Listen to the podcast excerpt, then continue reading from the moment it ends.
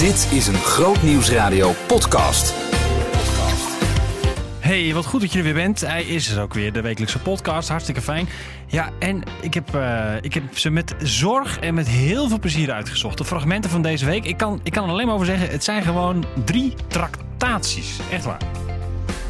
Groot Nieuwsradio podcast. Met Maurits Reinoud.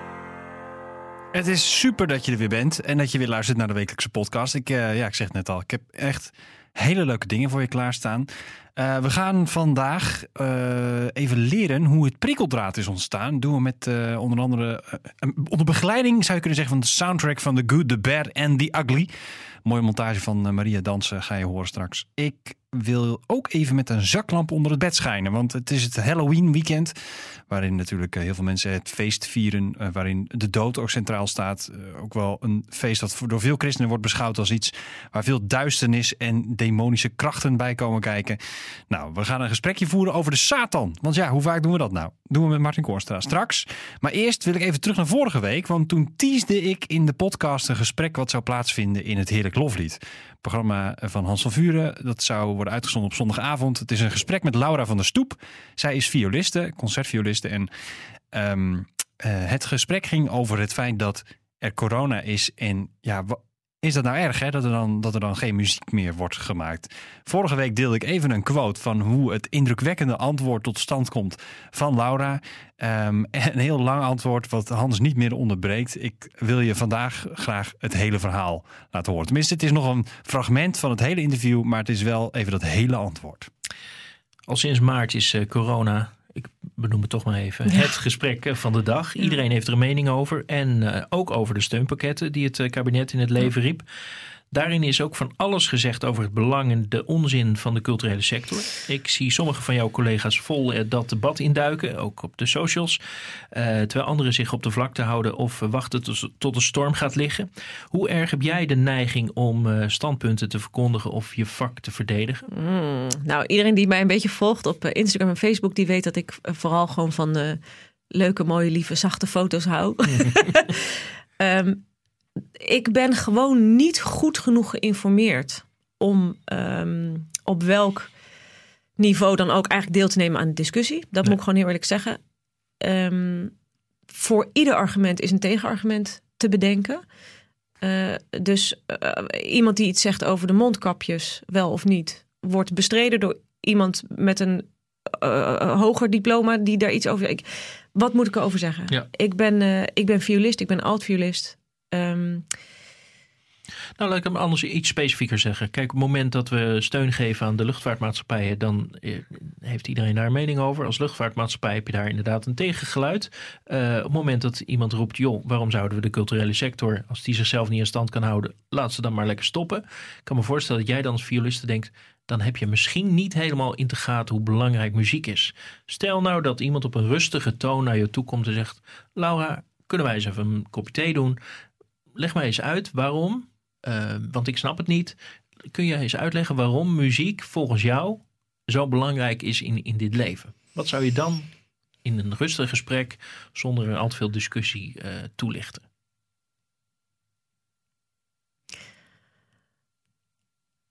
Um, we schiet helemaal van vol, zie je dat?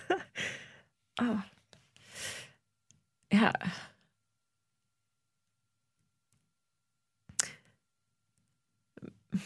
Muziek is echt alles. Muziek is echt, is echt alles. Ik, je kunt me misschien bestrijden, maar als je, als je een baby voor een schilderij zet, is de kans dat er een reactie komt, uh, ja, misschien klein. Er komen nu natuurlijk allemaal hele boze mensen op mij af, maar um, ja, vanaf, van, vanaf het allervroegste begin lokt muziek uit, lokt muziek een reactie uit, beweegt muziek. Uh, ja, ik, ik zei laatst in een interview: muziek is olie voor de ziel. Het is. Er zijn ook zoveel onderzoeken die hebben bewezen dat, dat muziek en ook klassieke muziek zo verschrikkelijk goed zijn voor de ontwikkeling, voor de ontwikkeling van een kind, voor de ontwikkeling van een mens. Uh, Als je kijkt naar de gezondheid van, van, eh, van muzici, van, van amateurmuziek, ook die samenkomen, die samen muziek beleven. Het sociale aspecten van. Maar ik, ik weet eigenlijk niet eens waar ik moet beginnen. En ook dat, ik kan dat dus niet uh, universitair onderleggen of zo. Mhm. Maar als je het mij kijk, als je, als je door de wereld loopt en kijkt hoeveel procent er een koptelefoon op zijn hoofd heeft, met wat dan ook. Hè? Dan hebben we het niet over, over welke muziek of over. Ik denk bijna dat om de, om de kracht van muziek zeg maar duidelijk te maken, om, ik, omschrijven zou denk ik niet kunnen, maar ik denk om de omvang en de, het belang van muziek uit te leggen, zou je het voor de lol gewoon eens een dag of een week of een maand uit je leven moeten halen. Maar dan ook echt overal uit. Dus uit je films, uit je computerspelletjes, uh, uit, de, uh, uit de winkels, uit de winkelstraten, uit de, de, donkere tunnels, ik zeg maar iets, de stations, noem iets. Helemaal weglaten. In de vliegtuigen, in de bioscoop, overal. Alles wat muziek is, alles wat liedjes is, je radiostations, alles uit. En kijken wat er overblijft. Ik denk dat we er zo aan gewend zijn geraakt, dat we bijna het belang er niet meer van, van voelen. Maar als je kijkt naar, naar de muzieksmaak van mensen, naar, uh, naar het, het, zeg maar het doel wat muziek soms heeft. Hè? Ik bedoel, de supermarkten, sportscholen hebben bepaalde muziekjes voor bepaalde tijdstippen op een dag. Dat is gewoon marktwerk. Dat betekent dat muziek de kracht heeft om emoties los te maken, om emoties te planten ook. Um, en, en dat is nog een beetje zo in algemeenheid, maar, maar persoonlijk als ik zeg maar denk aan de concerten die we dan spelen in kerken. Soms zo koud dat het, dat het in wolkjes uit je mond komt met mensen met jassen aan. Daar, daar denk je nu bijna verlangend naar terug, hè? Want dat mag allemaal dit jaar niet. Hè? Alle, alle amateurkoren hebben natuurlijk uh, hun, repetitie, hun repetitieproces niet kunnen, kunnen doen. Die concerten die, die zijn natuurlijk allemaal geannuleerd. Maar de chemie van dat moment, het chemie van Kijk, muziek is natuurlijk gewoon. Muziek is een verhaal zonder woorden. Dus je, je, je bent iets aan het vertellen. Je bent eigenlijk emoties aan het vertellen zonder dat je woorden mag gebruiken. In het geval van instrumentale muziek. En daar dan soms aan toegevoegd wel tekst. Ter ere en glorie van God. Hè, bijvoorbeeld zeker in, die, in, de, in de christelijke uh, wereld. En dat moment met elkaar beleven. Dat je met elkaar aanbidt. Dat je met elkaar geloof beleeft, muziek beleeft. Maar dan ga ik natuurlijk alweer uh, te ver door naar, uh, naar dan heel specifiek de christelijke kant. Maar muziek beleven met elkaar, dat verhaal vertellen en ontvangen. Een wereld daar zonder, dat kan helemaal niet. Dat is, dat, ik, ik denk dat mensen zich helemaal niet meer kunnen voorstellen dat dat niet kan. Want het, het is doorgecijpeld in alles overal. Ja, muziek. ja, muziek maakt los, muziek verbindt, muziek vertaalt. Kijk, eh, ik denk dat we als muzici de luxe hebben dat we eigenlijk constant met emoties bezig zijn. Hmm. Ik ben zelf geen scheppende muzikus, hè, dus ik, ik componeer niet, ik arrangeer niet. Uh, maar ik hertaal. Ik, ik, ik, ik, krijg nootjes voor mijn neus en, en, en die gaan door mijn soort van emotionele systeem. En daar komt dan onderaan de, onderaan de streep komt daar iets uit. Ja.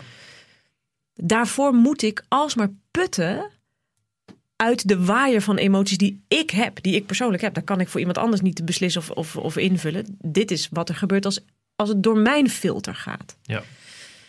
Wat wij soms denk ik als muziek wel eens vergeten, dat er een heleboel mensen zijn die bijvoorbeeld niet muzikus zijn. Um, veel minder op die dagelijkse manier bezig zijn met het scheppen of het herscheppen van muziek. En dus minder snel bij hun emoties zijn. En muziek is een ongelooflijk middel. Is een ongelooflijk middel voor iemand om emotioneel ergens te komen. Mm. En ja, ik weet niet, als je naar je eigen luistergedrag kijkt, dan, dan zul je misschien ook wel dingen herkennen. Je hebt soms dagen dat je stevigere muziek wil of nodig hebt of voelt. Omdat je je zo voelt of omdat je iets los wil maken in jezelf. Uh, maar je hebt ook dagen dat je, dat je, heel, dat je je misschien heel zacht voelt. Hè? Dus dat je, dat je wat milder bent en dat je dat, daar hoort hele andere muziek bij. Mm. Ehm, ja, ik vraag me dus af of wij als muzici soms dus vergeten hoe luxe het is dat wij eigenlijk zo snel met ons instrument door een deurtje zijn en toegang hebben tot, tot die emotie, tot die. En, en dat is wat muziek doet. Het is natuurlijk alsmaar een portaal. Het is alsmaar een. een ja, is het een, een portaal naar je ziel, olie voor je ziel? Ja, dat duurde dan toch even. En daar op een gegeven moment stelde zij een vraag aan Hans. En mocht hij ook weer meedoen met het gesprek. Het is heel mooi hoe dat, eh, hoe dat liep. Het is ongeveer de eerste helft van de tweede helft van het gesprek. Een kwart zo'n beetje. Als je het helemaal terug wilt luisteren, dat kan gewoon via onze website grootnieuwsradio.nl. Grootnieuwsradio podcast. Met Maurits Reinoud. Het was de dag voor Halloween, een verkleedfeest met een donkere oorsprong. Een dag waarop veel christenen zich juist inzetten voor het brengen van licht. En ja, dat licht dat wilde Ronald in zijn programma laten schijnen op de duisternis. Even met die zaklamp onder het bed schijnen, zodat we met een gerust hart kunnen gaan slapen. In de Bijbel wordt hij omschreven als een slang, een brullende leeuw, de vader van de leugen. In schilderijen en op prenten is hij meestal afgebeeld als een rood monster met hoorns op zijn hoofd, een gevorkte staart, een drietand in zijn hand. Uh, ik heb het over de duivel. En waarom praten we maar zo weinig over de duivel? Hoeveel macht heeft hij eigenlijk? Hoe kunnen we ons staande houden? Over die vragen ging Ronald Koops in gesprek met uh, Martin Kornstra, Kornstra. Die is spreker, schrijver en trainer. Um, ja, en een gesprek dan in de Nieuwe Morgen op vrijdagochtend. Uh, over de duivel, moet het nou? Wat, wat, dacht, wat dacht Martin daar eigenlijk van? Um, het lijkt me gezond, ik begrijp hoor, dat denkt even, zo, dat komt even op ons af. Omdat het onderwerp de duivel, demonie... Um, ja, daar wordt niet zoveel over gezegd. Dus het is goed om het eigenlijk weer in proportie te brengen. En aan de ene kant, je noemt net, hè, wordt, de duivel wordt afgeschilderd als een monster met een staart en een drietand en een uh, vuur uit zijn mond en een draakje. En dat maakt hem bijna een stripfiguur. Dus aan de ene kant bagatelliseren we het.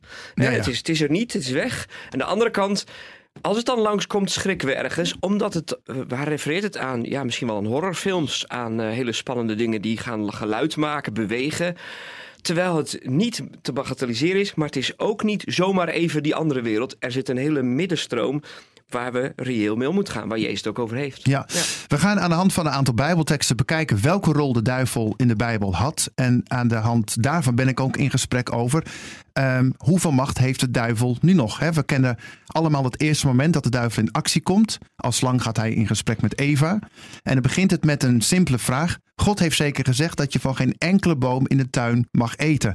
Wat zegt dat over de duivel en ook vooral hoeveel macht hij over ons heeft? Nou, dat is, dat is mooi om mee te beginnen. Het paradijsverhaal is sowieso een mooi verhaal om, om, om heel helder te zien hoe God dingen bedoeld heeft en hoe dingen zijn. De slang is gewoon een dier wat voorkomt komen in het paradijs. Alleen hier verpersonaliseert het de duivel. Dus ik denk dat de duivel zich openbaart in ons leven, in de dingen die wij tegenkomen. En vooral, wat doet de duivel? God in twijfel trekken. Hm. En dat gebeurt vooral in je denken, dus niet met een drietand. Nee. maar gewoon de gedachte, zal ik dit doen, zal ik dat doen? Ik heb als tiener, en ik denk dat heel veel kinderen en tieners dat meegemaakt, je loopt door de winkel en je denkt, zal ik dat jatten? Ja, waar komt dat vandaan? Dat is niet omdat je als dief bent opgegroeid, maar er wordt even een gedachte in je hoofd gegooid. En, en dat ja, brengt echt twijfel over hoe je het eigenlijk zou willen doen. En eigenlijk hoe God het ingeplant heeft om het goede te willen doen. Is dat zo'n brandende pijl, zou je dat zo kunnen noemen? Nou ja, dat is een mooie link naar Efeze 6. Hè? De, de wapenrusten waar Paulus het heeft over dat brandende pijlen en je schild van geloof optilt. Maar ja, dat, dat zie ik als een pijl. En dat die gedachten komen, die kun je niet stoppen. Je kunt niet zeggen, het kan nog wezen dat ik door de winkel loop, ja dat mee.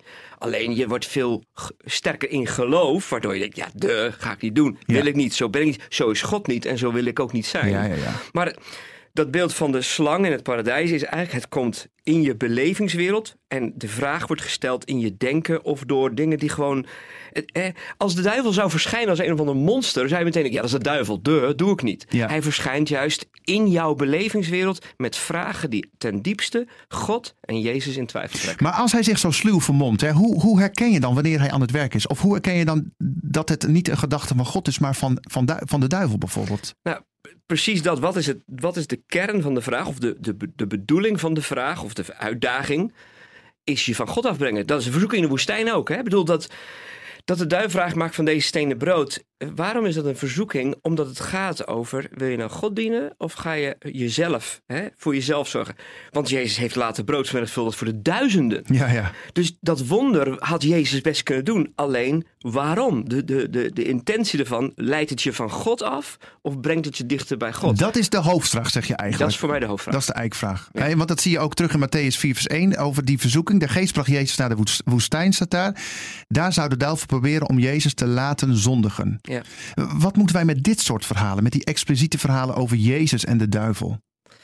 Is Nou, dat troostend of, of, of Ik denk dat, kijk, Je- Jezus is zoon van God. Hè, en, en dus maakt hij dingen mee op een intensere, duidelijkere, wordt het ook duidelijker beschreven wat wij ook meemaken. Maar ook wij worden verzocht. Hè?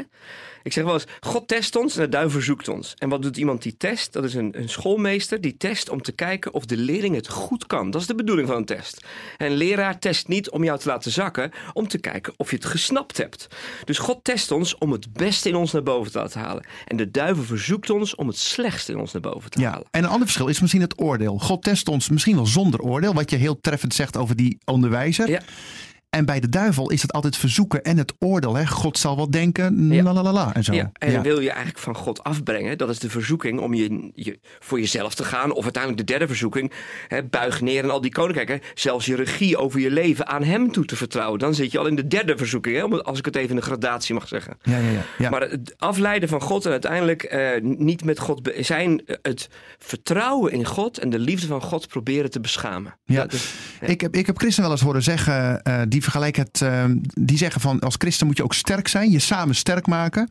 Eh, dat voorbeeld van die kooltjes in het vuur, als ze bij elkaar blijven liggen, dan blijft het vuur branden. Maar als je één kooltje apart legt, dan dooft het vuur. Nou zijn we op dit moment best wel veel op onze eigen eilandjes bezig, in onze eigen gezinnen. De kerkdiensten gaan vaak niet door. Denk je dat de duivel in deze coronacrisis wat dat betreft makkelijker voet aan de grond krijgt?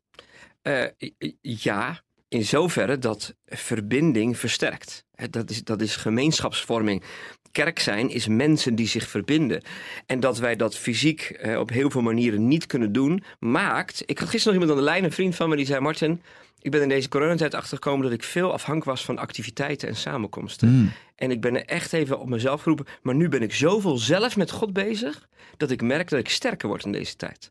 Dus ja, dat, Dus dat, dat kan dus ook. ja, alleen Ja. je zult je eerst moeten realiseren, als ik een kooltje apart ben, hoe, hoe blijft het vuur dan branden? Want het vuur komt niet zozeer door met elkaar, dat, daarmee hou je elkaar warm, maar het vuur komt uiteindelijk bij God zelf vandaan. Dus verbinding helpt om het vuur brandende te houden, maar de bron van het vuur is God zelf. Ja, dat is mooi. Het is geen garantie om maar bij elkaar te blijven. nee, dat is, eh, want je kunt zelfs bij elkaar zijn en het vuur kan uitgaan. Ja, Dat gebeurt ook in kerken, dat ze allemaal wel bij elkaar zitten, maar er is nul vuur in die kerk. Dus het vuur komt bij God vandaan, de verbinding houdt wel het vuur, hè, kan vuriger maken, maar de bron is God. En die blijft ook in coronatijd Ja. evenveel vuur brengen. Ja, Martin Kornstra over eh, de Satan onder andere. En hoe we eh, ons eh, in de strijd met hem staande kunnen houden. Je hoorde het eh, gesprek uit De Nieuwe Morgen. Het staat helemaal op onze site grootnieuwsradio.nl. Grootnieuwsradio podcast. Met Maurits Reinoud.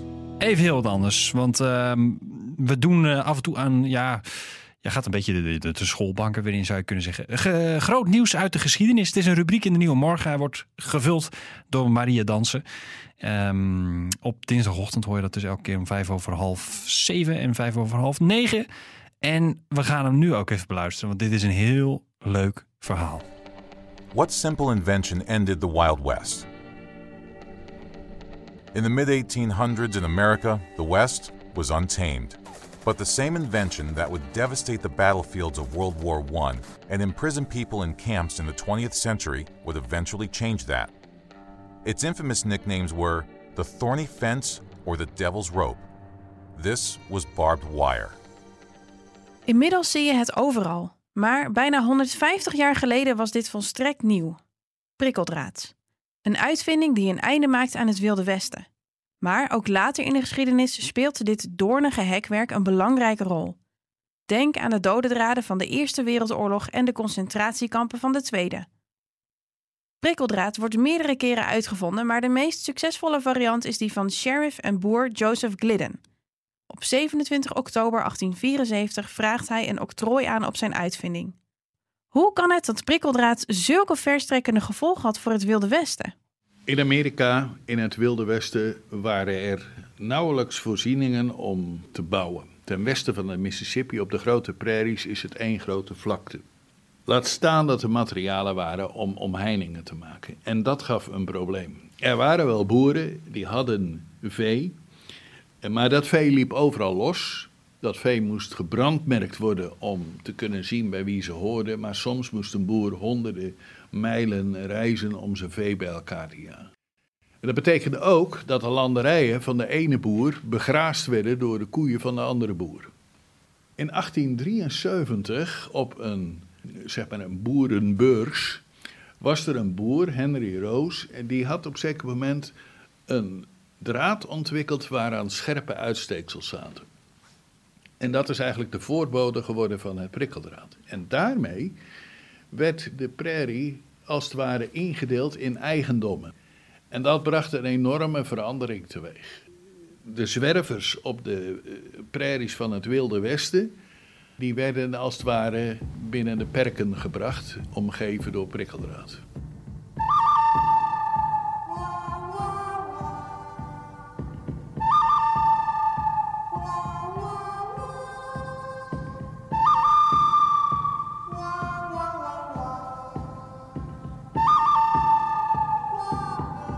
We kennen natuurlijk allemaal hè, Lucky Luke, uh, de boeken van Carl May, Arendsoog en Witte Veder. Tenminste, dat zijn dingen waar ik aan denk als we het hebben over het Wilde Westen. Was dat zo'n tijd zoals wij die nu kennen uit de boeken? Het leven op het Wilde Westen was niet vol avonturen. Het was een heel hard leven, uh, waar mensen het soms heel zwaar en moeilijk hadden. En natuurlijk waren er plaatsen waar uh, het Wilde Westen, zoals wij dat uit die boeken kennen, zich manifesteerde. Maar dat waren vooral de pleisterplaatsen. Bijvoorbeeld langs de spoorlijn waar het vee naartoe werd gebracht. Daar werden ook uh, door de vrije jongens uh, vetes uitgevochten. Daar werd ge, gedobbeld, daar werd uh, gestreden, daar werden mensen omgelegd, zoals men dat dan zei. maar dat is niet het Wilde Westen zoals dat in de realiteit geweest is. Dat waren uitzonderingen op de regel en die uitzonderingen zijn geromantiseerd. Prikkeldraad werd een fenomeen dat in de geschiedenis van industrie zijn gelijken niet kent, zo werd het beschreven. Uh, ze wisten het ook mooi te verkopen. Hè? Het neemt nauwelijks ruimte in, het hoeft niet te worden gesnoeid, het is goedkoop en sterk, bijna onverwoestbaar. Toch krijgt prikkeldraad in de 20e eeuw een, een wrange bijsmaak, met name door de dode draden van de Eerste Wereldoorlog. Wat denkt u? Is de wereld uiteindelijk beter of slechter af met prikkeldraad? Geen enkele uitvinding op deze wereld maakt de, maakt de wereld alleen maar beter. Elke uitvinding is een stap ten goede en is een stap ten kwade, zou je generaliserend kunnen zeggen. Natuurlijk zijn er uitvindingen die alleen maar kwaad hebben gebracht, dat is ook duidelijk. De prikkeldraad heeft voor de ontwikkeling van uh, de landbouw en de veeteelt in Amerika en elders op de wereld een grote bijdrage geleverd. Maar datzelfde prikkeldraad is een dodelijk draad geweest in oorlogen. De Eerste Wereldoorlog wordt genoemd. Denk aan de concentratiekampen. Denk aan het ijzeren gordijn. Ook daar heeft het allemaal een functie vervuld. Dus wat bedoeld was om het vee binnen de perken te houden, is gebruikt ook om mensen te doden.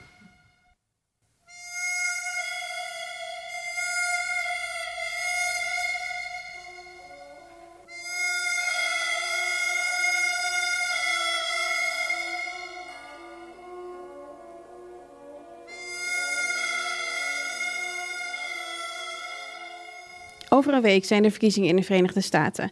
Wat denkt u? Zijn we eigenlijk toch weer in het Wilde Westen terechtgekomen? Amerika is wel een land op dit moment waar je van kunt zeggen: er gebeuren dingen die je soms niet kunt voorstellen dat ze dat in een redelijk gefatsoeneerd en georganiseerd land gebeuren. En als je zo de term Wilde Westen wilt uh, interpreteren, dan kan ik dat begrijpen. Maar het beeld van het Wilde Westen waar we aan herinnerd worden in mooie boeken of in geschiedenisboeken, dat zag er totaal anders uit. Amerika is welvarender, veruit het merendeel heeft een redelijk bestaan. Eh, terwijl de mensen in het Wilde Westen ja, soms omkwamen van de honger. Nou, dat soort dingen zitten er op dit moment niet in Amerika. Maar er gebeuren natuurlijk wel heel veel dingen waarvan je kunt zeggen: ja, hoe is het in de wereld mogelijk dat ze op dit moment daar gebeuren? Zou Trump dan meer een cowboy zijn of een Indiaan? Trump heeft iets van de vrijbuiterigheid van een cowboy. Dat is waar.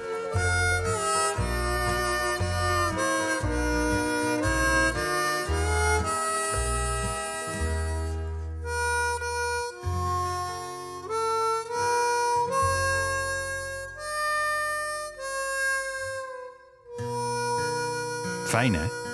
Even zo'n lesje, een geschiedenislesje van Maria Dansen. Met Wim Kranendonk in dit geval in eh, ja, de wekelijkse podcast van Groot Nieuws Radio. Dat was hem gewoon alweer. Bedankt voor het luisteren en eh, tot volgende week. Behoefte aan meer? Grootnieuwsradio.nl slash podcast.